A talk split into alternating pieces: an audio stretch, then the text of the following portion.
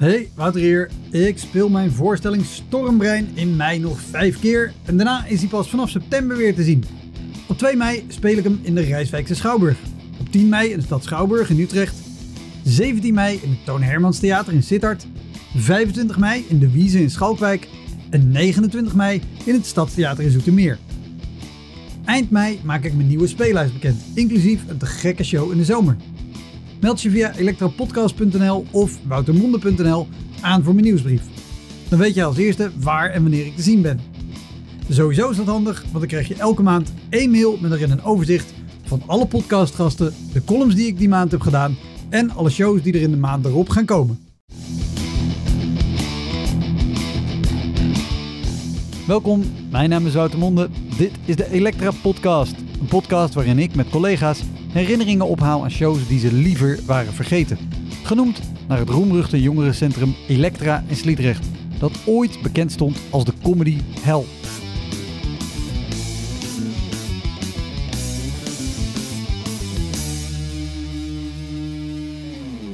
Deze week de gast Claudia de Brij. En die ken je.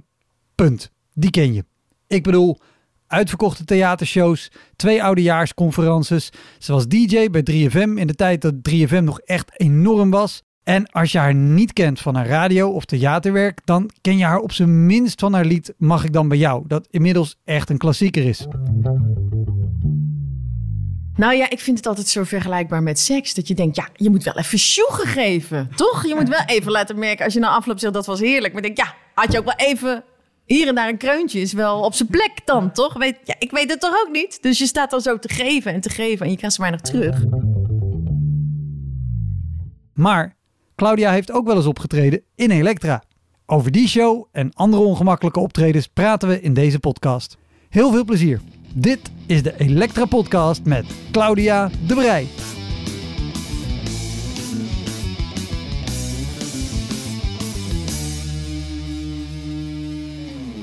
Laten we er gelijk induiken, want ik mailde jou al en toen zei ik, ik kan me herinneren dat ik jou ooit heb gezien in 97 in het Werftheater. Wauw. En dat was de, de introductie van de, de Utrechtse studententijd. Of de. Utrechtse introductietijd, Ja, de ja, uitdagen. Eh, in het Werftheater. Het enige wat me bijstaat is dat het bloedheet was. Ja. En dat je twee muzikanten bij had met allebei een zwart t-shirt. En dat je zei, die hebben een zwart t-shirt, want die jongens die zweten zoveel. Maar met een zwart t-shirt, dan zie je dat niet. Zijn dat? Wat Zo, slecht. zoiets. Dat Eh, wist ik weer. eh, eh, mijn voornaamste bezigheid tijdens de uitdagen was zo snel mogelijk, zoveel mogelijk Ja, binnen kijken waar piekuur Dus is, ja. ik, ik kan me voorstellen dat ik het verkeerd onthouden heb. Ik herinner me nog één ding van die... Volgens mij was dat toen... Ik heb best wel veel in het Werftheater opgetreden in mijn begintijd. En ik heb laatst voor de oudejaars ook de eerste try-out weer gedaan. Oké. Heel leuk was dat. Maar dat ik toen een heel slechte grap had die tot mijn verrassing werkte. Toen ging ik iets van Willem Kloos citeren. Het hele gedicht Ik ben een god in het diepst van mijn gedachten. En introduceerde ik Willem Kloos door te zeggen... bekend van de hit Close to You. Wat echt heel flauw en slecht is, maar wat wel werkte. Dat ik dacht, hoe kan dit? Want dit zijn, dit zijn twee die alleen maar in mijn hoofd überhaupt bestaan. Dat was volgens mij in die periode dat ik, dat ik deze topgrap eh uitventte.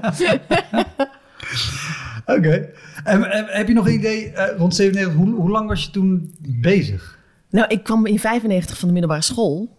Dus, nou ja, dat geeft aan. Volgens mij was ik toen nog... eh, de- ja, deed ik nog of ik studeerde.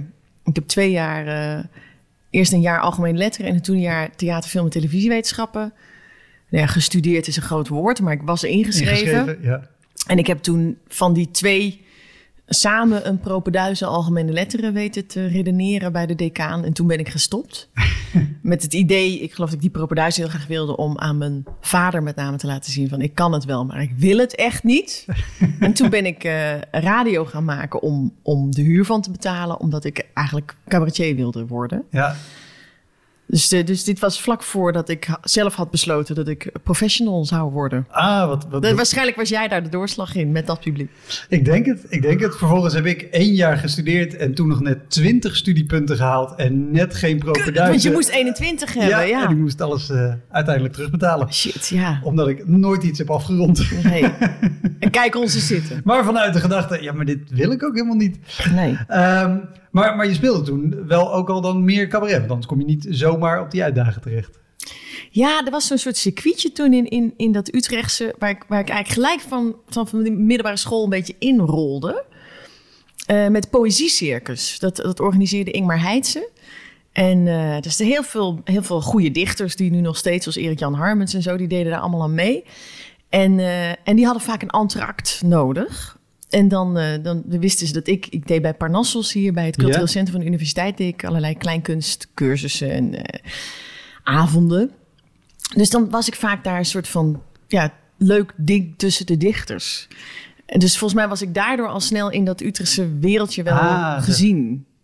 En hoe, hoe ging dat tussen... De, mijn, mijn beeld, en het is misschien heel erg invullen wat ik nu doe... maar ik denk als ik als beginner tussen serieuze dichters... met mooie dichter, gedichten en metrum en, en weet ik wat had gestaan... en ik kom daar met grapjes aan... Valt ja, dat, dat, niet per se? Of zat je wel meer in Nee, die, dat viel wel mee. Want die dichters lijn? waren eigenlijk ook heel erg bezig... vooral met te proberen een lach te scoren. Die performance, performance dichters... die zijn eigenlijk een beetje wannabe cabaretiers. Ja. Op zo'n, op zo'n avond dan. Hè? Ik bedoel, op de zolderkamer zal het anders zijn. Maar die zoeken ook wel het gedicht uit waarvan ze weten... hier komt een lach. Ja. Dus die sfeer was, was wel... Uh, die klopte wel. Dat was wel, was wel goed te doen. Maar ik deed wel debiele dingen. Ik kreeg laatst van iemand een foto opgestuurd van een... rond diezelfde tijd in Café Averechts... in, in de Vogelenbuurt hier in Utrecht. Dat ik, toen had ik een act met een uh, lady shave... waarbij ik mijn oksels schoor op het podium terwijl ik een sekslijn belde. Nou, dat was heel ingewikkeld. Maar ik denk, ja, wat had het op zo'n poëziemiddag? Maar het werkte wel. Ja, ik, ik, ik, wilde gelijk zeggen, hoe reageerde het publiek daarop? En toen zag ik Café Averechts voor me. Dat ja. ik, die vonden dat waarschijnlijk die fantastisch. Die vonden dat hartstikke leuk, ja. ja. Ja, ja. ik ging ook echt wel eens dood hoor in die tijd. Maar op de een of andere manier ging, lukte het vaak genoeg om te denken... ik moet hiermee verder gaan. Ja, kan, kan, je, kan je nog één, één keer doodgaan uit die periode herinneren... Ja, ik kan dit is, dit mijn is allereerste pijnlijk. keer optreden in Utrecht. Allereerste keer buiten mijn middelbare school. was in Sophie's Palace. Dat was toen nog op de Singel. was een soort cultureel centrum, hartstikke tof. En ik was... Uh, ik, heb, ik heb acht jaar over de middelbare school gedaan. Dus ik was daar een soort... Ja, dan ben je... Inmiddels ben je dan soort rockster van de middelbare school. Als je, daar, als je maar lang genoeg daar dingen blijft doen. Ja. In die kleine wereld. En heel veel cabaretiers kennen dat denk ik wel. Want op je middelbare school kun je zo zeg maar van, van, van sukkel naar uh, uh, ontzettend populair. En uh, ja. nou, dat was gebeurd nadat ik op een podium was gaan staan op mijn zestiende. Dus ik was van, van introvert naar ogenschijnlijk extrovert gegaan. En toen hadden we meegedaan aan een kunstbende met een, met een ander meisje samen. En toen was van, nou, dat gaat zo goed. Komen jullie een keer optreden in Sophie's Palace? Hoe dat, wie daar ons voor vroeg, weet ik ook niet meer. Nou, daar ging ik toch dood. En het allerergste was, want er kwam dus er gebeurde dus niks. Dus ik dacht gewoon bijna van spreken deze mensen wel Nederlands. En toen maakte ik één grapje over, over uh, de plasketting. Weet je wel, dat als je in de, als, als kleuter naar, naar de wc moest, dat ja. je dan de plasketting pakte. En had ik dan een soort grapje over, ik weet niet meer wat. En toen kwam er een hele harde lach. Dat ik dacht, oh, maar dat maakt het eigenlijk nog erger... dat jullie om al dat andere dus helemaal niet hoefden te lachen. Want zo gouden grap was die van die plasketting ook weer niet. Maar dat was echt Oh, ja, het was echt zo. En was je toen alleen of nog samen met dat andere nee, meisje? samen met dat andere meisje, maar die was vooral pianist in het gezelschap. Pianist en aangever was haar rol. dus dus ik, ging, ik was wel vooral zelf aan doodgaan, ja. Ja, staat natuurlijk vaak op podium, nu zeker met muzikanten. Ja. Uh, maar ik weet dat je ook een hele tijd bij de Comedy Explosion hebt gespeeld. Ja, dat deed ik ook inderdaad. Ja. En dan sta je natuurlijk gewoon in je, ja, in je eentje. In je kale eentje. Uh, hoe, hoe, lang heb jij gespeeld met muzikanten voordat je in je eentje ging? Of, of liep dat naast elkaar? Liep altijd wel naast elkaar, ja. En je kunt ook wel met muzikanten ontzettend in je eentje staan hoor. Want ja, bijna nog meer. Omdat als jij doodgaat, dan moet je wel hele goede muzikanten hebben als die nog acteren. Ik vind het wel heel erg leuk. Ik heb het enorm naar mijn zin. Weet je wel, die, die pikken ook die spanning op. Ook uit sympathie met jou. Van, oh mijn god, deze avond lukt niet. Dus je kan bijna beter alleen doodgaan dan met een band achter je, vind ik. En heb, heb je ook wel eens van je muzikanten te horen gekregen dan na een keer doodgaan, dat, dat zij dat ook benoemden? Dat zeiden, oh, ik kon nu mijn gezicht echt niet meer in de glimlach houden. Nee, nee, nee. Dat Zou ook nare muzikanten zijn Nee, als het zo is eerder andersom. hadden gezegd. Maar. Nee, eerder andersom dat dan die avonden dat, dat het heel lekker gaat. Dat je dan gewoon merkt dat iedereen ook vrijer speelt en zo. Dat uiteindelijk ben je toch een beetje de, de ja, hoe moet je dat noemen? De ruiter op de bok of zo. Die bepaalt hoe, hoe snel de paarden gaan en hoe, hoe lekker iedereen het Ja. heeft. Dus je merkt gewoon dat iedereen wat terughoudender speelt als het, als het, niet, als het niet klikt, als het niet werkt. Ja. Is er in die beginperiode ook wel eens een show geweest? Je je zei, ik heb er genoeg gehad die, die genoeg, eh, of leuk genoeg waren om te denken, ik ga hiermee door. Ja, ja. Maar heb je ze ook gehad waar, waarvan je wel het podium afkwam en dacht, Ik doe nou dit klaar. Ik- nooit ik, stop meer. ermee. Ja, ja. Ehm, eentje die ik me goed kan herinneren is eh Watwaai. Iedereen is altijd razend enthousiast over dat kerkje daar. Heeft daar al iemand je over verteld of niet? Of heb je er Eh, zelf wel eens gespeeld? Nee, nog niet. Ik ken het van naam. Ja. ik, ik weet, het is een klein wit kerkje in Watwaai Ja, in Noord-Holland. Op een soort terp. Ja, Nou, en vooral omdat iedereen had gezegd, wat wij, oh, warm bad, oh, zo leuk. Nou, en ik was toen net heel erg verliefd op wat later mijn eerste vrouw bleek te zijn.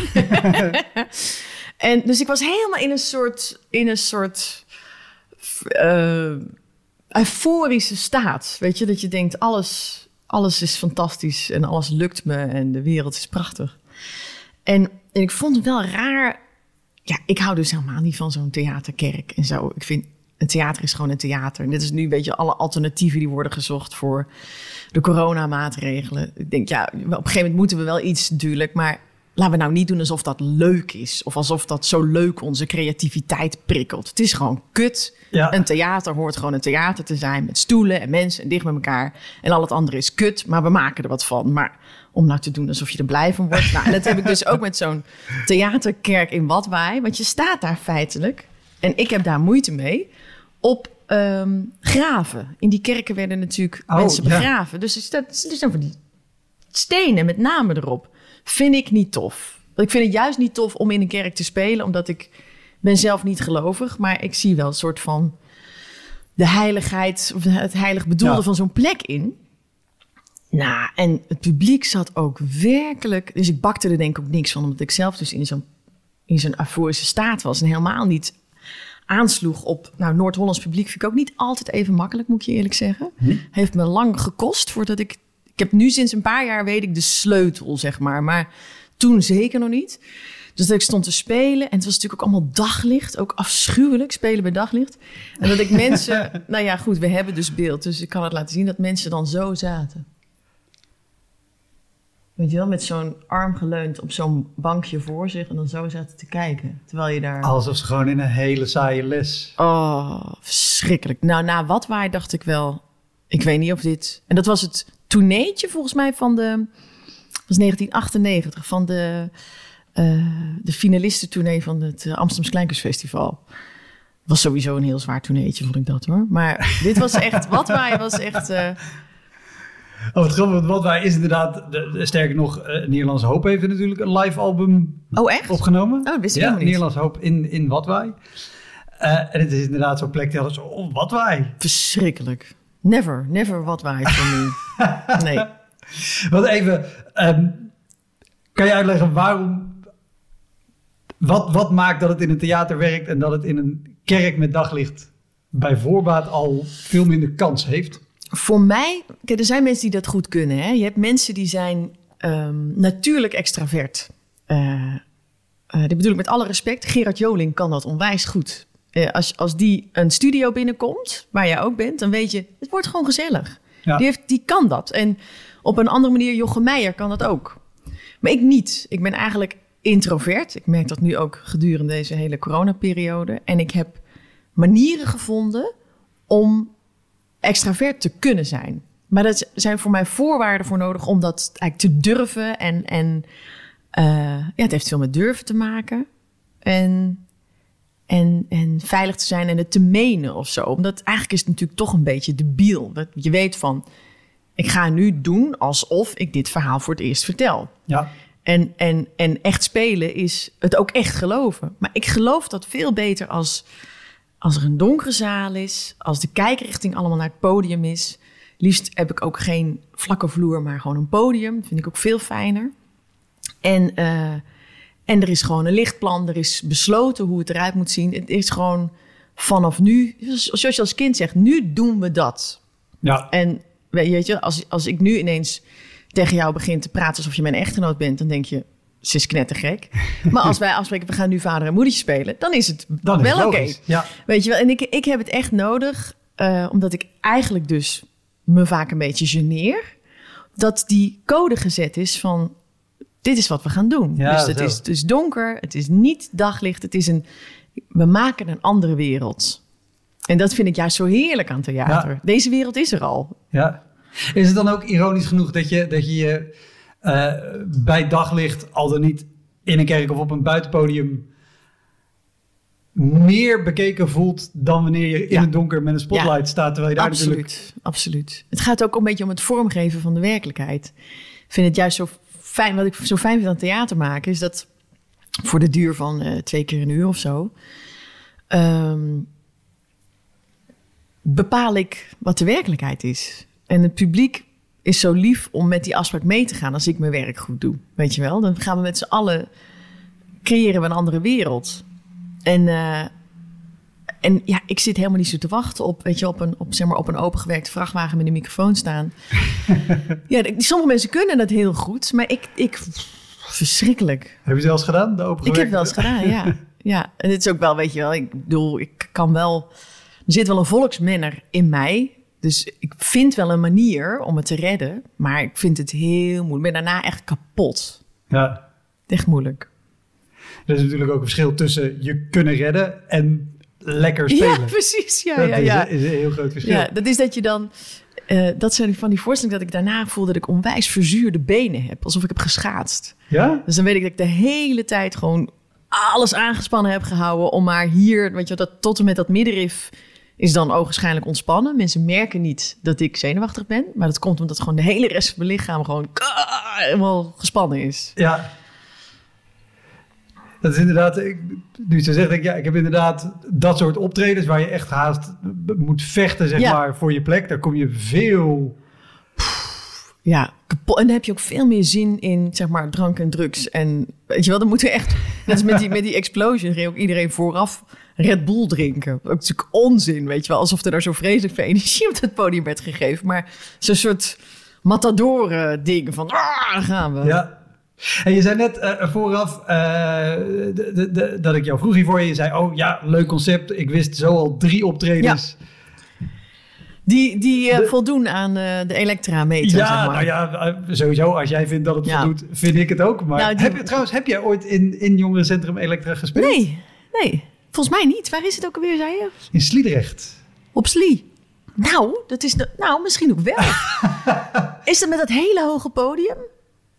Hm? Wel een behoorlijk hoog podium. ja, en, want dan, dat, en dat geen, is- geen vaste stoelen. nee, losse stoeltjes of bankjes Ja, zelfs. ik heb daar volgens mij wel een keer gespeeld. Ja. Ja, het is echt in het centrum ja. van Sliedrecht. Nee, daar heb ik wel een keer gespeeld. Ja, met de explosion inderdaad. Ja. Maar toen redde ik me verrassend goed die avond. Maar het was wel een soort van eh, gladiatorenavond.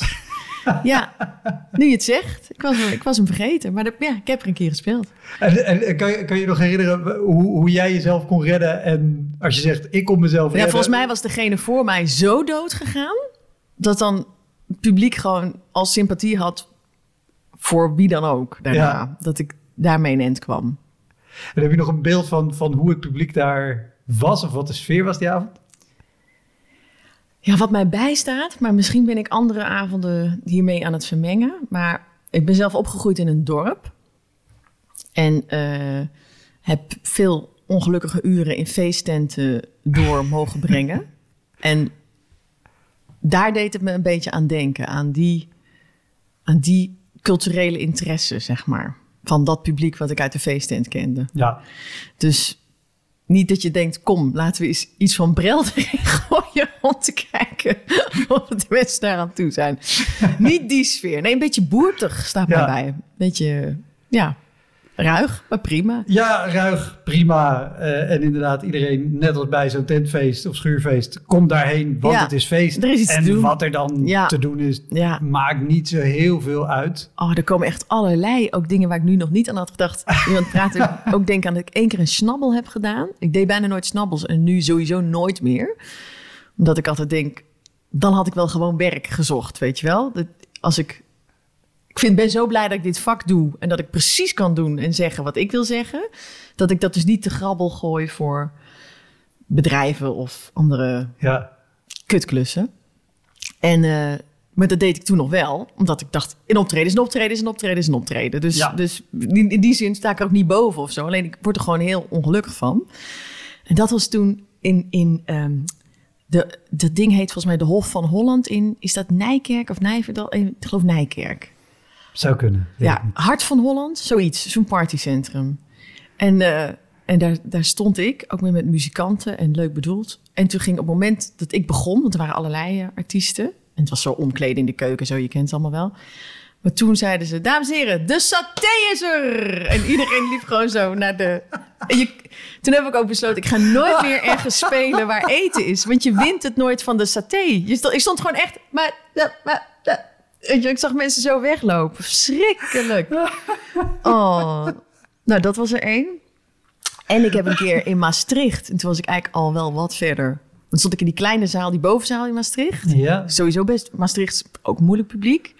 Net als Noord-Holland, weet je. Het duurt een paar jaar voor je snapt hoe je ze te pakken krijgt. En, en, en, en vind je ze op, een, op eenzelfde manier moeilijk? Ja, eigenlijk zit er wel een soort overlap in. Uiteindelijk, wat ik, wat ik namelijk heb geleerd, is dat het te maken heeft met dat zij, zij lijken afwerend. Maar ik heb sinds een paar jaar door, dat is eerder terughoudend uit verlegenheid. Dat ze ook onzeker zijn van, doen wij het wel goed? Wat verwacht deze dame nou weer van ons? Dan dat ze denken, laat jij maar eens zien wat je kan, dametje. Maar dat is natuurlijk wat je zelf de hele tijd denkt. Jij wordt onzeker van hun gesloten houding. Ja. Maar ik heb op een gegeven moment, omdat ik een keertje in Purmerend, smiddags, ik had te veel tijd, was veel te vroeg, ging ik even winkelen. En iedereen was gewoon ontzettend aardig. En toen dacht ik, oh, maar wacht. Als ik ze nou eens van tevoren benader alsof ze wel heel aardig en open zijn. Nou, en dan straal je zelf iets anders uit, waardoor iedereen op zijn gemak is. Het heeft heel veel te maken met Wat grappig. op je gemak Ja. zijn. En, en het is ook makkelijker praten. Ik bedoel, ehm, zoals na die oudejaars en zo. Ik heb natuurlijk zelf meer zelfvertrouwen. Dus je bent meer op je gemak. Dus je straalt meer uit. Deze avond komt wel goed. En als u even een stukje niet zo leuk vindt, dan zit het te dik in dat daarna iets komt wat u wel leuk vindt. Weet je wel, je verandert Ja. er zelf ook in. Maar dat toen natuurlijk nog niet.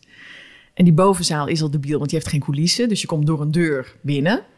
Nou, dat zijn dus dingen die ik al moeilijk vind. Met Ja. mijn, oh mijn god, Ja, dat is de introvert met de code die je, nee, die je wil hebben. Ja. Heel de code kapot. En toen was ik zo stom geweest. Dat was een van de laatste van dat tourneetje.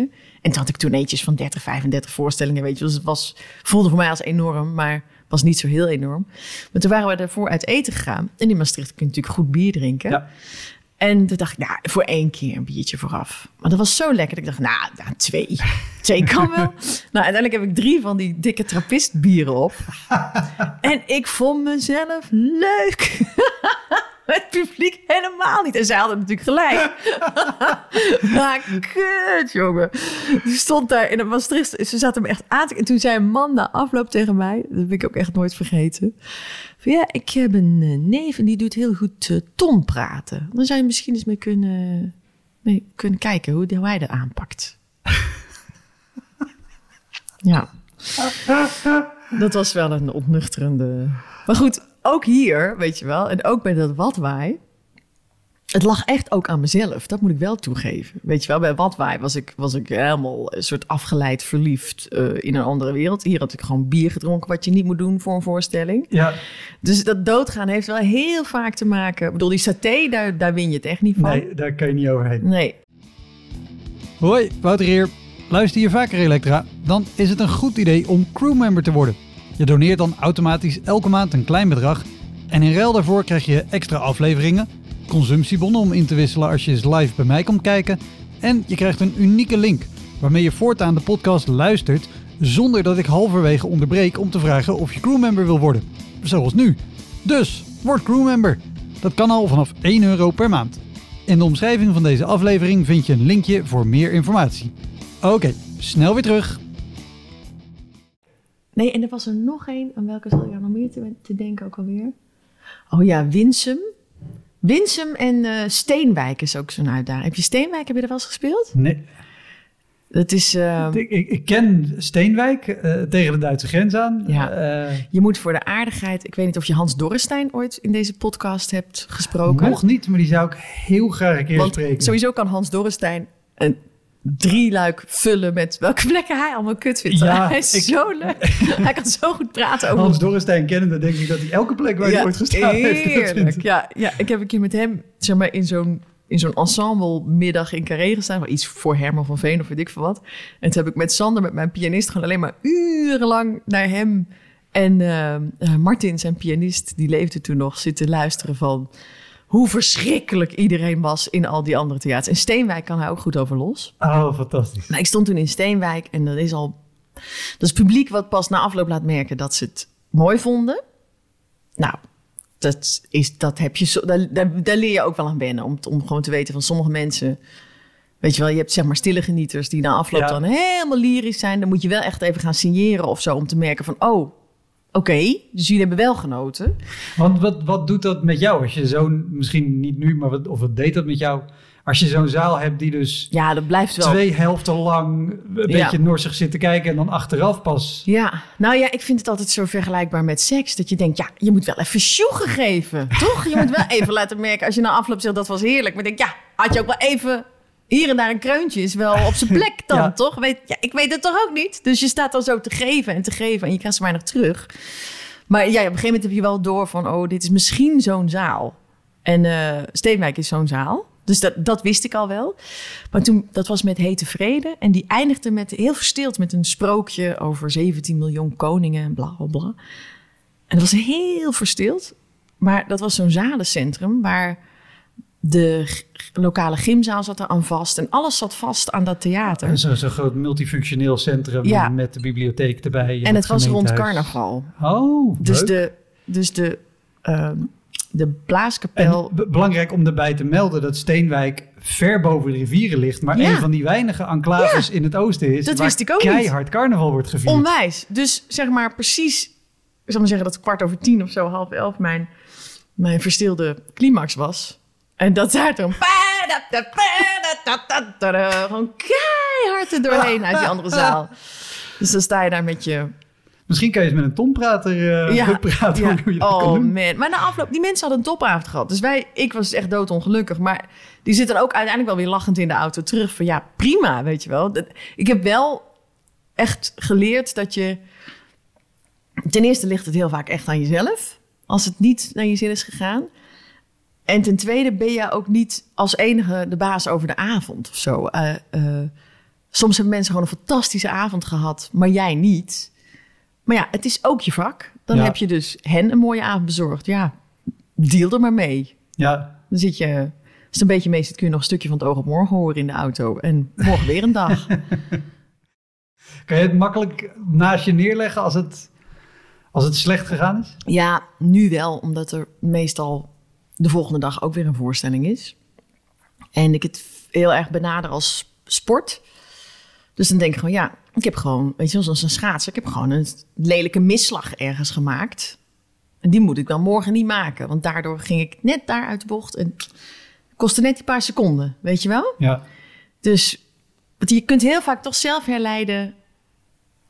Het kan- Het kan wel zeg maar niet je ideale droompubliek zijn.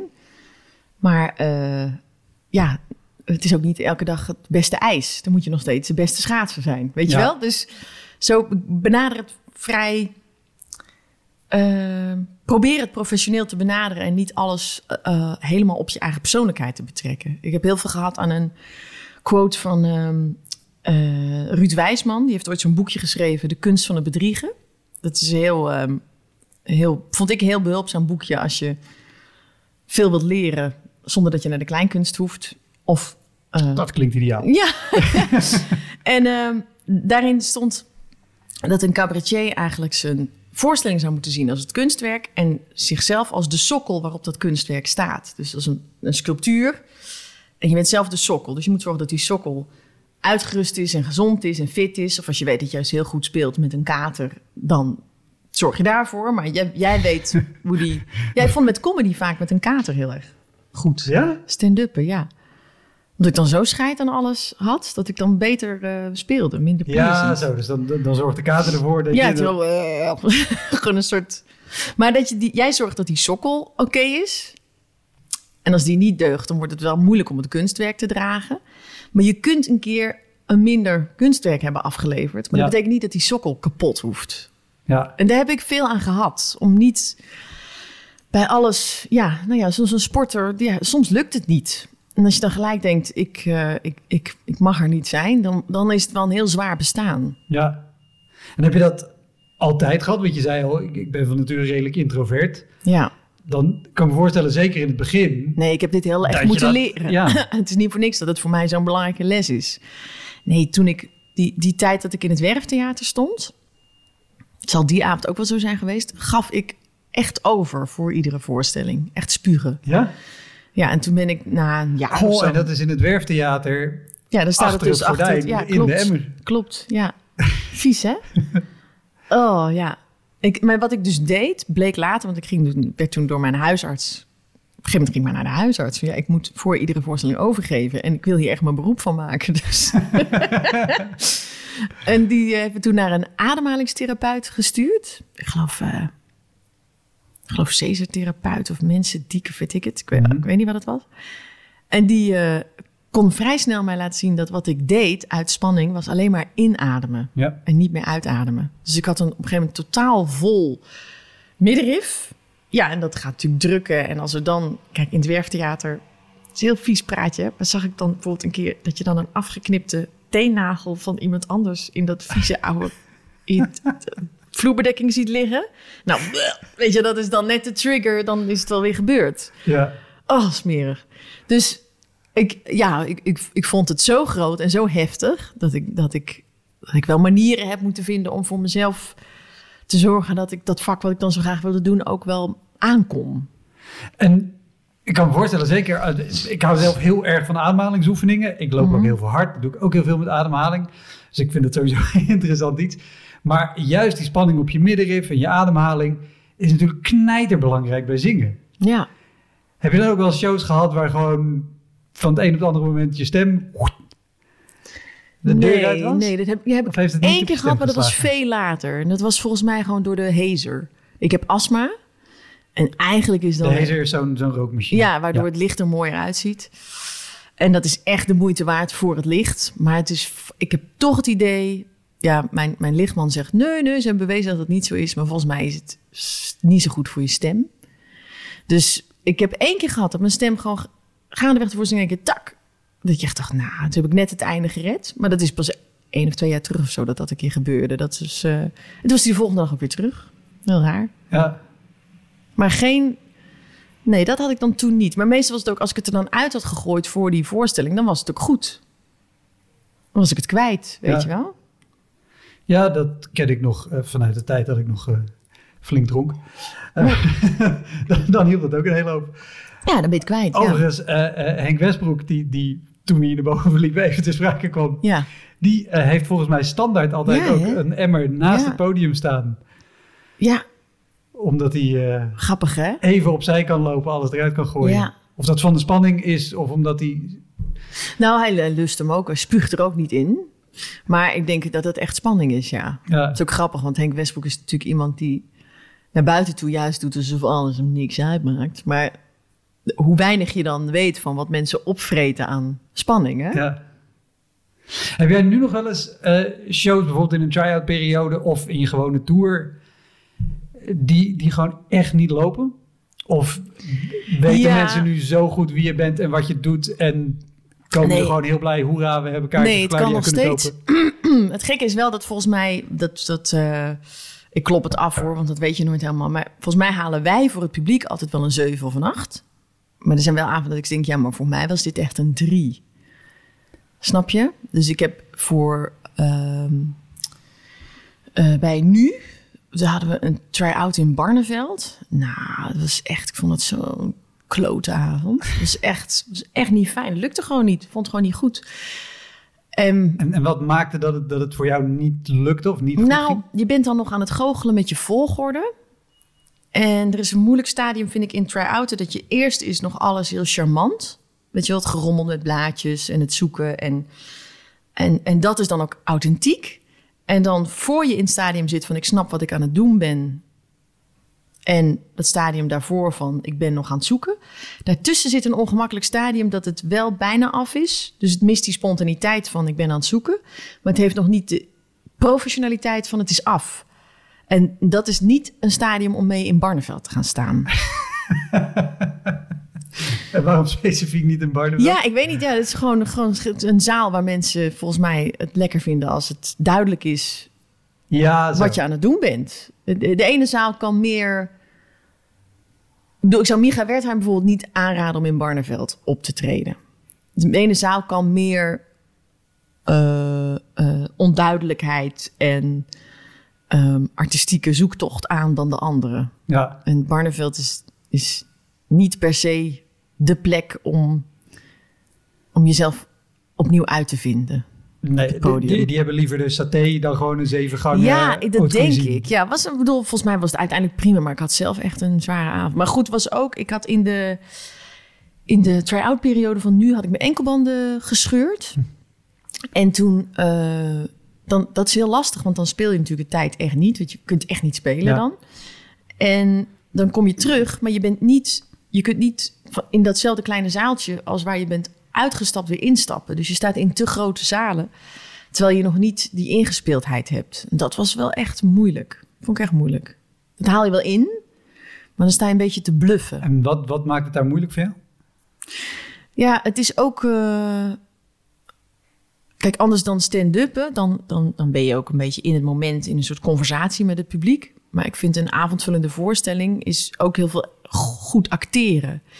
En ehm, goed acteren lukt het best, vind ik, als je alle stembuigingen die je in een bepaalde clue kan uitproberen, een keertje hebt uitgeprobeerd. En dan weet je, ik ga hem vanavond zo doen of zo doen. Of mezelf verrassen en het heel anders doen. Maar je weet, weet waar alles staat. Het is Ja. zeg maar zoals, ook als je een decor hebt, dan na een paar weken, een paar maanden helemaal, weet je, als ik nu drie stappen naar achter doe, val ik in die stoel.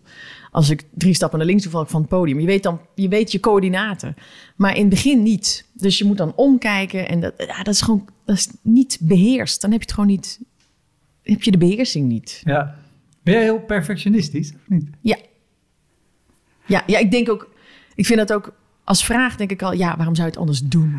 Weet je wel, wat zijn we dan? Het is geen hobby, toch? Ik vind, Ja. het, vind ook je, je werk om perfectionistisch te zijn. Absoluut. Nee, de, de reden dat ik het specifiek vraag is, en zeker als je wel bijvoorbeeld kijkt naar, naar meer eh, stand-up optredens, Mhm. eh, of misschien optredens meer het begin van je carrière, waarin mensen,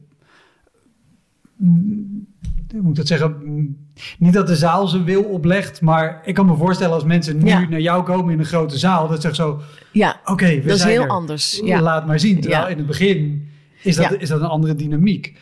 Ehm, en als je dan wel perfectionistisch bent, maar je hebt een zaal die best wel Ja, ja precies. niet mee is met wat jij in gedachten hebt wat je wil gaan doen. Nee, dan is überhaupt dat je ze meekrijgt, is perfect. Ja. Dus dat is een ander perfectionisme wat je dan kunt... Want heb je, heb je wel ook eens eh, zalen gehad, juist met, nou ja, bijvoorbeeld Elektra, maar, maar ook gewoon met veel roepen of, of vrijgezellenfeesten, Ja, hekkels. ja. Meer specifiek, eh, kan, kan je een, een, een bijzondere hekkel herinneren? Even denken, ja. Ehm, nou, ik heb, ik heb één keer gehad dat er in Nijmegen, volgens mij, wat een heel leuke zaal is. Volgens mij was het Nijmegen. Of Drachten. Nou ja, Een zaal. ja, een zaal. dat er, ik weet alleen gewoon dat het daar linksbovenin was. Dat gewoon dronken meisjes, weet je wel, echt te dronken. En is dan, die zeggen twee keer iets wat nog aardig grappig is. Op een gegeven moment denk je, jullie moeten gewoon weg. Maar het is zo ingrijpend. En heel de zaal is opgelucht als je het uiteindelijk doet. Want het, het stoort zo de voorstelling.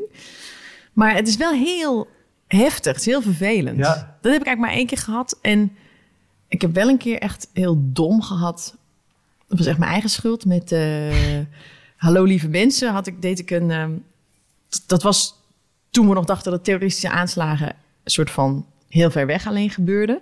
Toen deed ik een eh, oefening met de zaal... voor als er, voor als er een eh, terroristische aanslag zou zijn. Zou nu echt niet meer grappig zijn. en dan moest iedereen aan de, aan de buitenste rij... die, zeg maar die op de buitenste stoel van zijn Ja. rij... moest opstaan.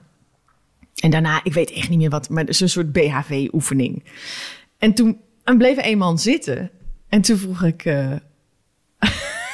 Het kan alleen maar Kijk, fout gaan. ja, hey, kom op, weet je, doe eens mee. En die man, hey, ik, ik heb maar één been. Of geen benen, hij kon in ieder geval echt niet staan. En die zaal ging heel hard lachen. En toen, goddank, kwam bij mij de ingeving dat ik tegen de zaal kon zeggen... hey, het is niet om te lachen, hè? Waardoor, het, waardoor ik me reet kon redden. Want, en die man was gelukkig ook oké, die moest heel erg lachen. En toen, toen raakte ik overmoedig, want... Ja, ik kon maar, het publiek de schuld geven van de lach, waardoor het bevrijd was. En zei ik, ja, maar heb je wel een briefje van de dokter dan? maar dat was echt zo, weet je, zoals je soms in paniekvoetbal Ja. scoort, maar soms ook helemaal niet. Maar deze was dan, oh, bam, oké, raak, gelukkig. Maar, Oh, oi, oi, oi. Die arme man, ja. Had je, had je op het moment dat je de vraag stelde ook al iets in je hoofd met dit kan wel eens? Ja, ja, ja. Dat, dat ik wel, dat je na verloop van tijd dat je dit doet, dat je begint te ontwikkelen en aan te voelen. Soms weet ik ook als Ja. je iemand vraagt, oh, eh, de- de- de- nee, zijn jullie een stel Ja. of wat voor Dat vraag dan soms ook voelt, je merkt ja, binnen één tel, zo, Ja. oh oké, ik ga hier ja. verder niks. Nee, en die, die intuïtie, ehm, daar ben ik steeds meer in gaan geloven. Ik, ik heb ooit een keer op Curaçao eh, opgetreden, 100 jaar geleden. En ehm, toen deed ik iets, ook met publiek. Ik doe nu nooit meer iets met publiek. Want ik, ik vond het toen, uiteindelijk dacht ik, ja... Mensen denken dan, oh, wat knap je improviseert. Terwijl, dat is eigenlijk helemaal niet zo knap, weet je wel. Dat, is, dat, is, dat lukt altijd wel. Maar Ja. dat deed ik toen nog heel veel. En toen zat er een mevrouw rij 1 en die... Ik had dan iets ook inderdaad met zijn jullie een stelachtig, zo'n conversatietje. En ze had een andere naam op het kettingje om haar hals dan die man naast haar heette. En dat je even denkt, hé. Hey. En dat ik Nee, dacht, nee. nee. En gelukkig, want daarna sprak ik die vrouw en dat bleek natuurlijk een overleden, nou ja, kind geloof ik. Of iets, iets dat je denkt, oh god, god, goddank Ja, waarschuwde het engeltje op mijn schouder van blijf hiervan af. En dat, dat, dat moet je echt vertrouwen. Dat, je weet het bijna altijd. En ik heb een keer gezien in Carré. eh, daarna ben ik gestopt met praatjes met het publiek om niks, zeg maar. Weet je, ik, nu is het alleen als je echt denkt, het voegt iets toe of het, Ja. het komt uit de situatie. Maar niet ingebouwd in je voorstelling. Toen was er in Carré iemand die echt rare geluiden maakte vanaf hoog, hoog in de ring. En, ehm, en ik dacht al lang van, nou, daar moet je iets mee doen, weet je wel. En Herman van Veen, die keek alleen. En die liet zien, ik heb dit gezien. En keek naar het publiek, waardoor wij ook wisten, hij heeft het gezien. En kennelijk negeren we het. Oké. En later merkte je, oh wacht, maar dit is iemand met een handicap. Dus iemand Ja. met Gilles Latourette of iets, weet je. Want als het ware hmm, kreten. En toen dacht ik, oh wat goed om gewoon eigenlijk alleen maar nog steeds in character, zeg maar theatraal te reageren. Want je hebt besloten, dit is de afspraak. We doen dat ik het woord heb. We doen dat jullie allemaal naar mij kijken. Dus dan doen we ook dat dat er niet bij hoort en dat we dat weten dat dat er niet bij hoort. Maar als je gaat doen dat het erbij hoort, ja, dan verzwak je eigenlijk je hele rest van je verhaal. Weet je, tenzij het echt iets toevoegt, dan, Ja. is, het- dan is het natuurlijk feest. Maar dat vond ik heel leerzaam. Dat ik dacht, oh, zo doe je dat. ja. Nou ja, en als je er wel op ingaat en denkt, haha, ik ga hier op scoren, Oh, de kans precies. dat je daar zo hard mee de boot Ja. in gaat. Ja, en dat heb ik ook wel geleerd. Dat ehm, als er wel eens een telefoon afgaat, dan kan ik soms wel echt iets kuts doen. Maar soms dan, dan merk ik dan, gebruik je zeg maar die dreiging, die intimidatie van ik ga je, ik ga je hierop aanpakken. En dan, en dan los ik het juist niet in, omdat je weet, ja, maar iemand voelt zich al zo kut. En het is eigenlijk ook zo leuk om dan juist de stemming erin te houden en te zeggen, ja, dit is voor jou echt nog erger. Weet je wel, zet hem uit en klaar. Ja, En dan zie je iedereen, oh, oh ja, we kunnen ook gewoon, kunnen ook gewoon oké zijn met elkaar, weet je wel. De, er is natuurlijk heel lang, eh, er is een hele, hele generatie die, die, die gebruik heeft gemaakt van het intimideren van het publiek om de lach te krijgen. Weet je wel, eh, Theo Maassen, Hans Deeuwen, helemaal te gek. Maar ik ken het ook wel nu. ja, Dus ik vind het ook leuk om juist soms te denken, ik kan nu, weet je wel, ik heb een microfoon en jij niet. Maar ik kan het ook niet doen. ja. Maar heeft dat, heeft dat ook te maken met bijvoorbeeld het publiek wat je, wat je noemt uit eh, eh, wat, eh wat Waai of Noord-Holland Ja. of Maastricht met het publiek gewoon het gevoel geven, jullie mogen Het is lachen, het is oké, relax maar. Ja, eh, d- d- daar heeft het mee te maken, maar het heeft ook te maken met. ehm, eh, eigenlijk eigenlijk nog meer... Ik zit even te denken hoe ik dit nou moet formuleren. Want het is ook in het persoonlijke. zeg maar, ik weet niet of je dat kent, maar dat je ook soms kunt besluiten... laat ik op negatieve narigheid op social media eens niet ingaan... en kijken wat dat met me doet. Het is eigenlijk meer in die lijn. Dat je weet van als ik nu enorm ga blaffen... wordt daar mijn avond eigenlijk beter van of niet? En vaak is het antwoord nee. Dus eh, ik vind dan zelf mezelf poeslief, maar dan zeggen mijn muzikanten nog wel van... nou, het was echt wel duidelijk hoor. Maar dan heb ik al heel veel ingehouden, zeg maar. Ja, Dus het is niet dat je alleen maar soort zalvend eh, op het podium staat. Maar ik, ja, ik vind het leuker om te laten merken van... we zijn allemaal oké met elkaar... dan eh, ik ben de baas en jullie eh, moeten sidderen. ja. Speel je ook met, met, met die dy- dynamiek tussen, tussen wat je kan doen qua intimidatie? Ja, en ik- ook meer in periodes dat je bijvoorbeeld bepaalde comedy-series hebt gezien waarin dat gebeurt. Weet je, je, merkt, je neemt ook dingen mee in je spel van die je kijkt. Hè? Ik heb bijvoorbeeld enorm genoten van de, van de serie Grace and Frankie eh, op Netflix met eh, Jane Fonda en ehm, oh, hoe heet ze nou toch? Lily Tomlin. En dat is duidelijk geschreven door comedians, door goede comedians. Dus er zitten heel veel goede one-liners in. Het is gewoon een heel tuttige serie over twee stellen. En die twee mannen gaan met elkaar trouwen. Die twee vrouwen zitten dan met elkaar in hun gezamenlijke strandhuis. maar ja, het zijn wel hele goede actrices met hele goede comedy timing. En dan merk je dat je die soort wittiness neem je dan mee eh, het podium op. En die is vrij vilijn, maar wel veilig. Of wel, eh, zeg maar, veilig in de zin van... je weet dat je niet beschadigd wordt als publiek. Ja, en dat, dat, dat, dat soort dingen merk je dan. Dat ik op die manier merk dat ik het meeneem in mijn spel. Dat je daarmee kan spelen. Van Ja. hoe, hoe hard of hoe, of hoe veilig ga ik hem inzetten. Ja, ik, ik merk dat ik het zelf wel eens doe als ik bijvoorbeeld ergens MC ben. En ik voel dat een zaal wat terughoudend is om, Ja. om antwoord te geven. Of dat ze bang zijn dat het echt heel erg Ja. jaren negentig stand-up zeg Ja, maar. precies. Gewoon, hoe heet jij? Jij bent lelijk. eh. Ja. Dat ik dan juist aan iemand vraag, hoe heet je? Hans, wat voor werk doe je? Oh, accountant. Oké, nou, leuk man, tof dat je bent. Zie je? Ja. Kan gewoon. Ja. En uiteraard de volgende die ik aanspreek zal ik wel een grap maken om duidelijk te maken. We kunnen ook wel grapjes maken. Nee, Maar- precies. Maar dat is het eigenlijk. Dat je... En het is waar, wat je zegt, het is zo jaren negentig. Het is ook zo... Het is zo geweest. Die, die enorme... eh, kijk, ik kan jou aan. Ja. Oh ja, joh. Weet je, dat, dat geloven we. Dat weten we wel. Dat is eigenlijk niet zo interessant. Heb jij de film gezien eh, eh, Late Night? Nee, volgens mij, ik ben altijd sowieso heel slecht Ja, met films. Ook, ook Netflix. We zitten natuurlijk alleen maar te Netflix de laatste weken. En die, gaat, die is geschreven door een, eh, een, eh, een stand-up comedian, een vrouw. En die gaat over een, een vrouw die dan in zo'n schrijversteam van een late-night talkshow terechtkomt. En daar zitten ook heel goede parodieën op die precies dat stijltje wat jij nu beschrijft in. Oh, En waardoor je ook ziet hoe gedateerd dat is. Dat je denkt, oh ja. Maar daar ben ik wel echt in groot geworden, weet je wel? Ja. Tussen, tussen dat geblaf. Verschrikkelijk. Heb je daar wel dingen van geleerd? Ja, je leert er sowieso van. Ehm, maar wat ik vooral denk ik daarvan goed heb afgekeken... is dat je, ehm, dat je niet afwachtend op een podium moet gaan staan. Dat je volgens mij op een podium moet gaan staan met... ik heb over, ik ben gewoon oké, ik heb gewoon een verhaal, dat heb ik over. Mag je hebben, als niet, ook goed, aju. En dat je niet op het podium moet gaan staan met... oh mijn god, bevestig mij dat ik hier mag zijn. Want dat is echt verschrikkelijk. Ja. Ook om naar te kijken, verschrikkelijk. Dat sowieso. En eh, ik denk ook, eh, ehm, als je kijkt naar dus het, het verschil met zo'n zaal als Barneveld met misschien andere zalen.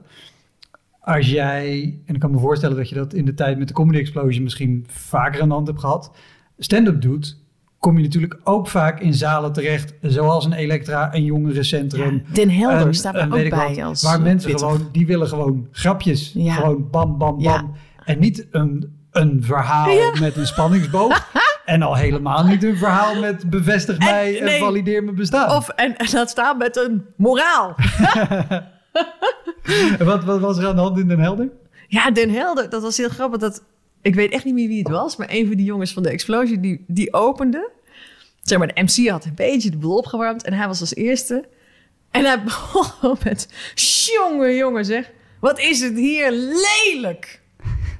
En die zaal was echt daarna kwam nooit meer goed.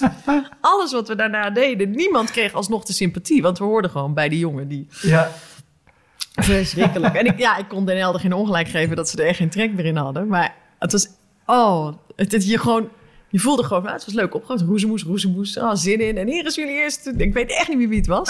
Die knalde het er zo in na. Daarna alles verschrikkelijk. Niemand redde het. Oh, wat grappig. Terwijl het, het kan af en toe juist bij een stug publiek Ja.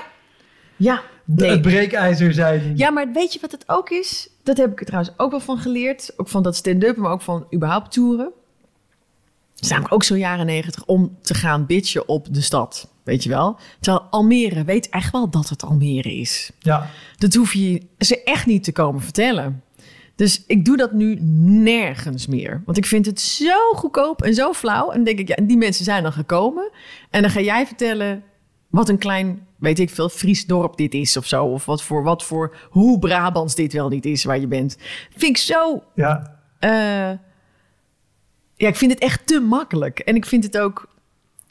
Eh, weet je wel, toen ik, toen ik in eh, de Stadshof in Vianen zat te kijken naar, eh, naar Paul Haan of Karin Bloemen die daar dan kwamen, was ik zo blij dat die. Weet je, ik woonde dan in Hagestein, wat echt.